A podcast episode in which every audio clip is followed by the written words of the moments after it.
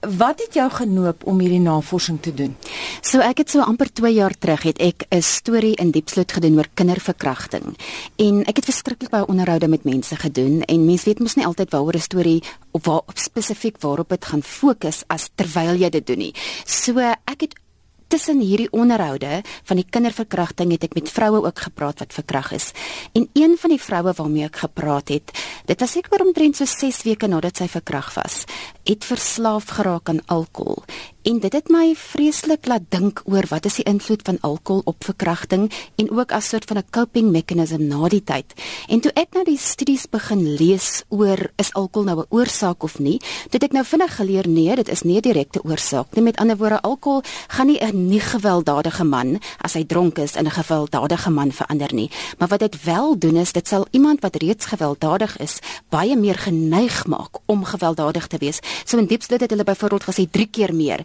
En toe ek nou hierdie studies doen en um, toe kom ek agter dit gaan my help om eintlik die vrou te volg oor 'n langer periode sodat ek sien wat het gebeur, maar om dan ook te kyk gedurende hierdie tydperk wat ek al gevolg het, het daar 'n studie in Diepsloot uitgekom wat spesifiek na geweld teen vroue gekyk het.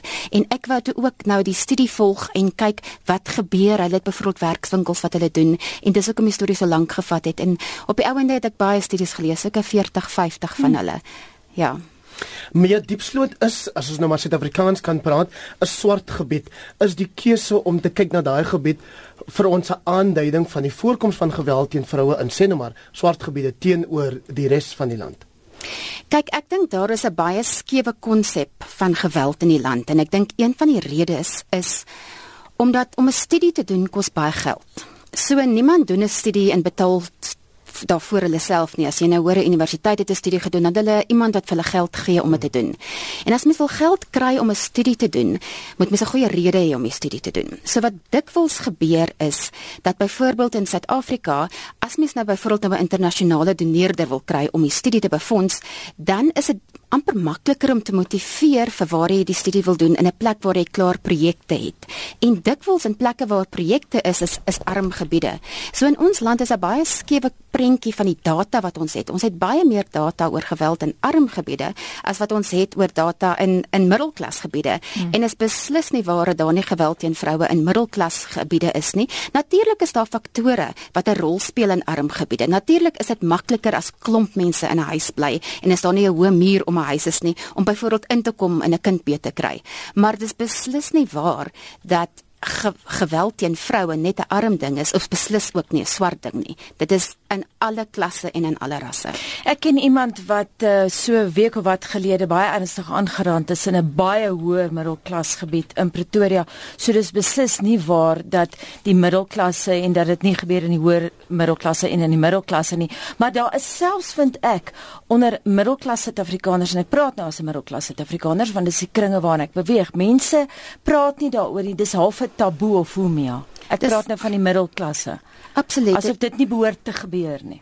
Ja, natuurlik want daar's 'n baie groot stigma daaraan. En as jy dink aan 'n middelklas omgewing, dis makliker om geweld weg te steek amper in 'n middelklasgebied want daar's hoë mure, daar's 'n groter huis en oor omdat daar so 'n stigma daarin kleef en omdat dit so soms moeilik is om om hulp te kry want dis nie net aan aan vroue aan geweld teen vroue waar daar 'n stigma is nie daar's ook 'n stigma aan om sielkundige hulp te kry. Oor die algemeen is daar 'n stigma daaraan en as jy byvoorbeeld dink um, as jy na mediese fondse se uh, befondsing kyk vir byvoorbeeld sielkundige hulp wat is wat jy sal nodig hê as daar geweld teen vroue was um, die die tipe van hulp wat hulle bied vir sielkundige hulp is aansienlik minder in geldterme as wat hulle sou bied vir um vir fisiese siektes.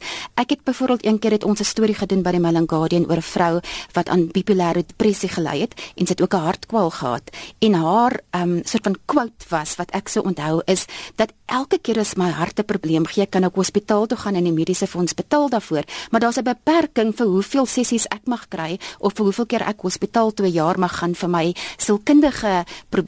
So daar is reg definitief um dis baie moeiliker om om die regte hulp vir iets so, wat sielkundig is um toegang toe te kry en daar's ook 'n stigma aan. Dis amper dis moeiliker om dit om daar's minder geld vir dit en daar's 'n stigma aan dit.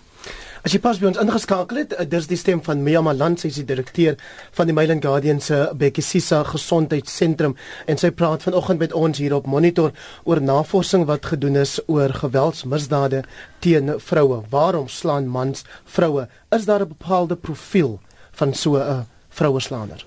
Ek dink as mens na navorsing kyk, dan kan mens byna so sê, dis natuurlik nou, weet studies het verskillende bevindinge, maar die Mediese Navorsingsraad, Forsingsraad in 2009 het so 'n dokument saamgestel van klomp studies oor verkrachting en oor slaan. En en die rede hoekom hulle dit saamvat is omdat verkrachting is nie anders as slaan nie, dis geweld teen vroue. Dit gaan regtig nie oor seks nie, dit gaan oor geweld, oor oor mag.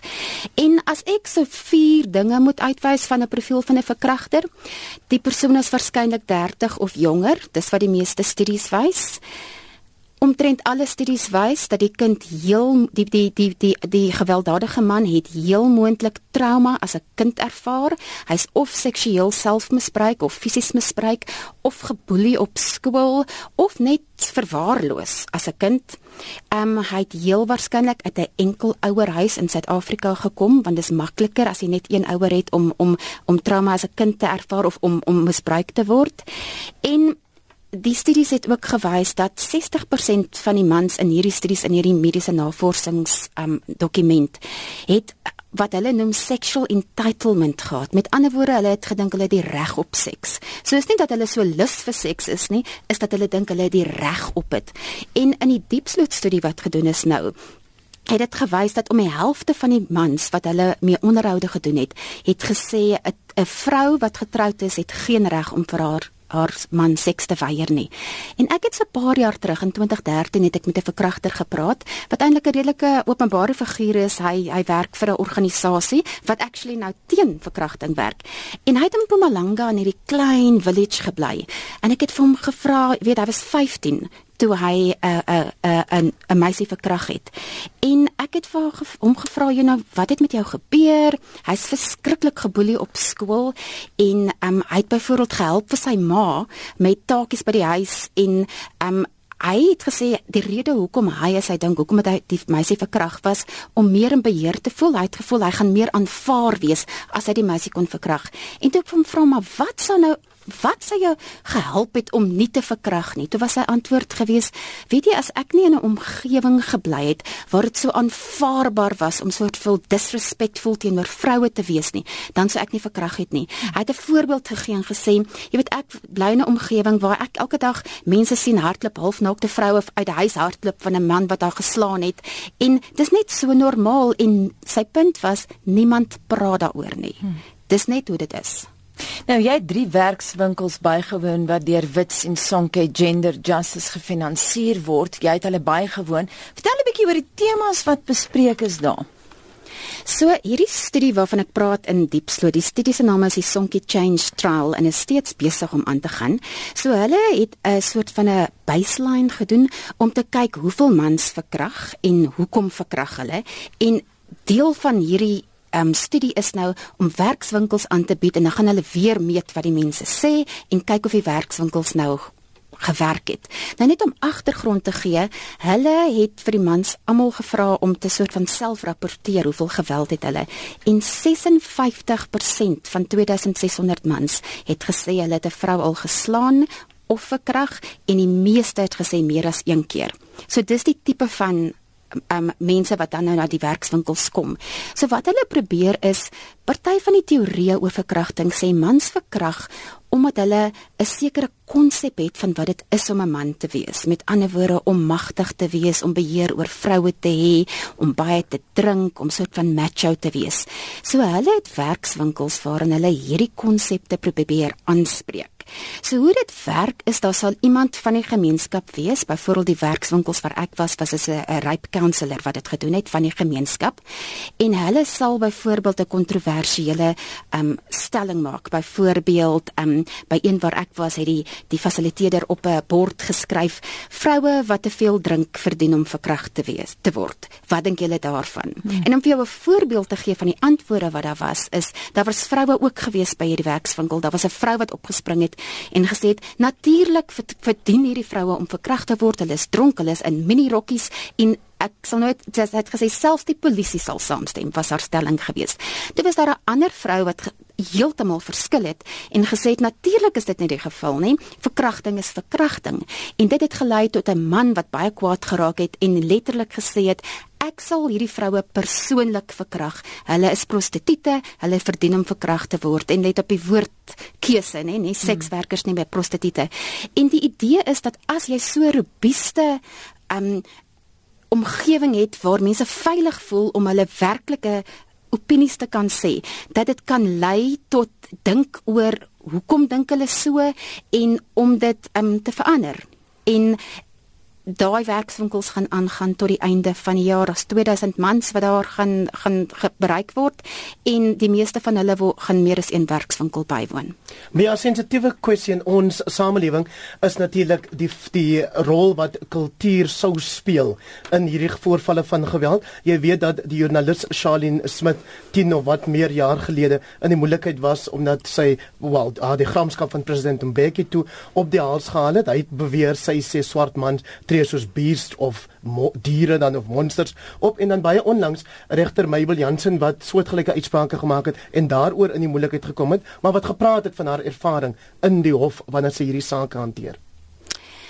In die studies wat ek gelees het, het kultuur definitief nooit opgekom nie. Dalk het ek 'n studie gemis, maar ek het baie studies gelees. Die ding wat die meeste opgekom het in studies van redes vir verkrachting is die trauma wat verkragters self ervaar het of as volwassenes of as kinders. Ek wil nou nie sê dat uh, dit is nie waar dat elke man wat as 'n kind misbruik is of getraumatiseer is 'n verkragter of 'n vroueslaander word nie. Wat wel met baie sekerheid uit studies gesê kan word, is dat amper elke man wat gewelddadig is teenoor 'n vrou het een of ander trauma as 'n kind ervaar. Dis wat 'n navorser actually se stelling vir my was. Ehm um, ek dink die geweld wat so voortgang is 'n bose kringloop. Ek het gehoor een van die mense wat 'n um, SMS gestuur het vroeër, het byvoorbeeld gesê dis in iemand se gene. Nou dis nie regtig in jou gene nie, maar mens kan dit amper vertaal om te sê dis 'n bose kringloop want wat gebeur is jy's 'n kind, jy word in 'n hy's groot waar jy getraumatiseer word. Daai trauma word nooit aangespreek nie. Jy word groot en dan raak jy 'n volwassene wat gewelddadig is. As jy gewelddadig is en jy is getraumatiseer, is jy baie meer geneig om depressief te wees en byvoorbeeld alkohol te gebruik wat dit erger gaan maak. Dan gaan jy ook nie 'n goeie ouer wees nie want jy gebruik alkohol as selfmedikasie en jou kinders gaan weer getraumatiseer word en hulle gaan weer kinders hê wat getraumatiseer word. Die navorsers het 'n naam maar voor. Hulle noem dit die intergenerational cycling of violence. Hmm. Dit het niks met kultuur te doen nie. Dit het te doen met hoe jy groot word en hoe ons kinders actually in hierdie land groot maak. En daar's 'n studie wat uitgekom het uh, laas jaar deur die Universiteit van Kaapstad. Die studie se naam is die Optimus studie. En die studie het, het dis die eerste studie in ons land wat vir kinders self gaan vra het is julle misbruik. En dit was 'n nasionale baie verteenwoordige studie so die die bevindinge kan aange, kan toegepas word op hele hele Suid-Afrika. En hulle het gevind seuns wanneer hulle 17 is, is 1 uit 3 op een of ander manier misbruik of fisies of seksueel of verwaarloos. Nou as jy dink en dis alle rasse, hè. Dis hmm. natuurlik is is die is die die syfers vir rasse verskillend, maar dit is die die oorgrootte, die oorkoepelende um syfer. Dis nie kultuur nie. Dis dis dit gebeur in alle vlakke en ja. Ja, ek wil terugkom na 'n praktiese vraag toe, terug na hierdie werkswinkels van julle. Ek verstaan die beoogde 144 werkswinkels is almal in Shebeens. Ja, dis nie dis nie my werkswinkels nie, dis ja, studiese werkswinkels. Ja, ja, ek rapporteer maar net daaroor. Dit was interessant toe hulle in Diepsloot gaan kyk na waar kan hulle nou hierdie werkswinkels hou. Toe besef hulle en hulle kom agter maar daar's nêrens 'n groot genoeg openbare soort van venue waar hulle so baie werkswinkels kan hou nie. En toe het hulle 'n 'n 'n klein studie gedoen om te gaan kyk maar hoeveel shabins is daar teenoor byvoorbeeld skole of kerke. En toe vind hulle in die dele van Diepsloot waar hierdie studie nou gedoen word, is daar 20 keer meer Shabins as skole en 6 keer meer Shabins as kerke. En dis hoekom hulle dit in Shabins hou en was die enigste plekke waar hulle genoeg mense kon inpas. En dit moet vir jou iets sê van die samelewing. Byvoorbeeld Diepsloot se um, se se se se probleem drink syfer is 38% en dis 3.5 keer hoër as die gemiddelde syfer in ons land is 11.4% in die in die ons nasionale syfer. En hoekom? Daar's niks anders om te doen nie. As jy in 'n plek bly waar daar nie genoeg geleenthede is vir vermaak of om te ontspan wat niks met alkohol te doen het nie en jy woon in 'n klein huisie waar daar te veel mense woon en jy moet 'n manier kry om uit te gaan dan gaan dit 'n natuurlike reaksie wees om een van die om, om iets te vat wat baie baie maklik beskikbaar is en dis Shabins. So dis hoekom hulle die werkswinkels in Shabins het